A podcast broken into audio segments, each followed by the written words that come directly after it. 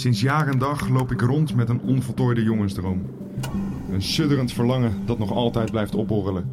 De droom om uitvinder te worden.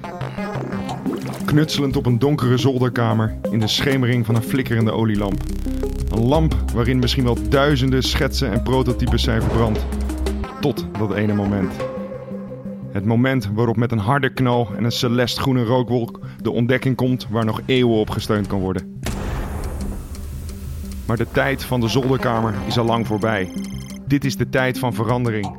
De wereld is meer verbonden dan ooit, maar tegelijkertijd groeit de ongelijkheid.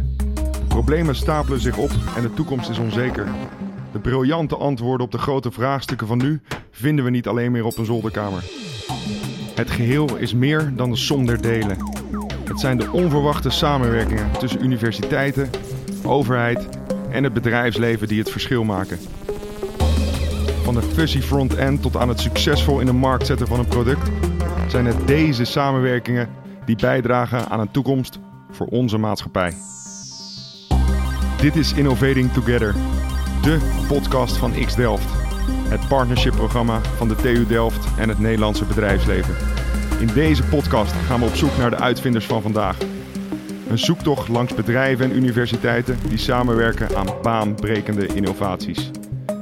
Elke aflevering staat een innovatie centraal, waarin ik met de hedendaagse uitvinders, als ingenieurs, hoogleraren en innovatiemanagers, te weten kom hoe deze briljante ideeën tot stand komen, waarom samenwerken hierbij essentieel is en wat er voor nodig is om dit tot een succes te brengen.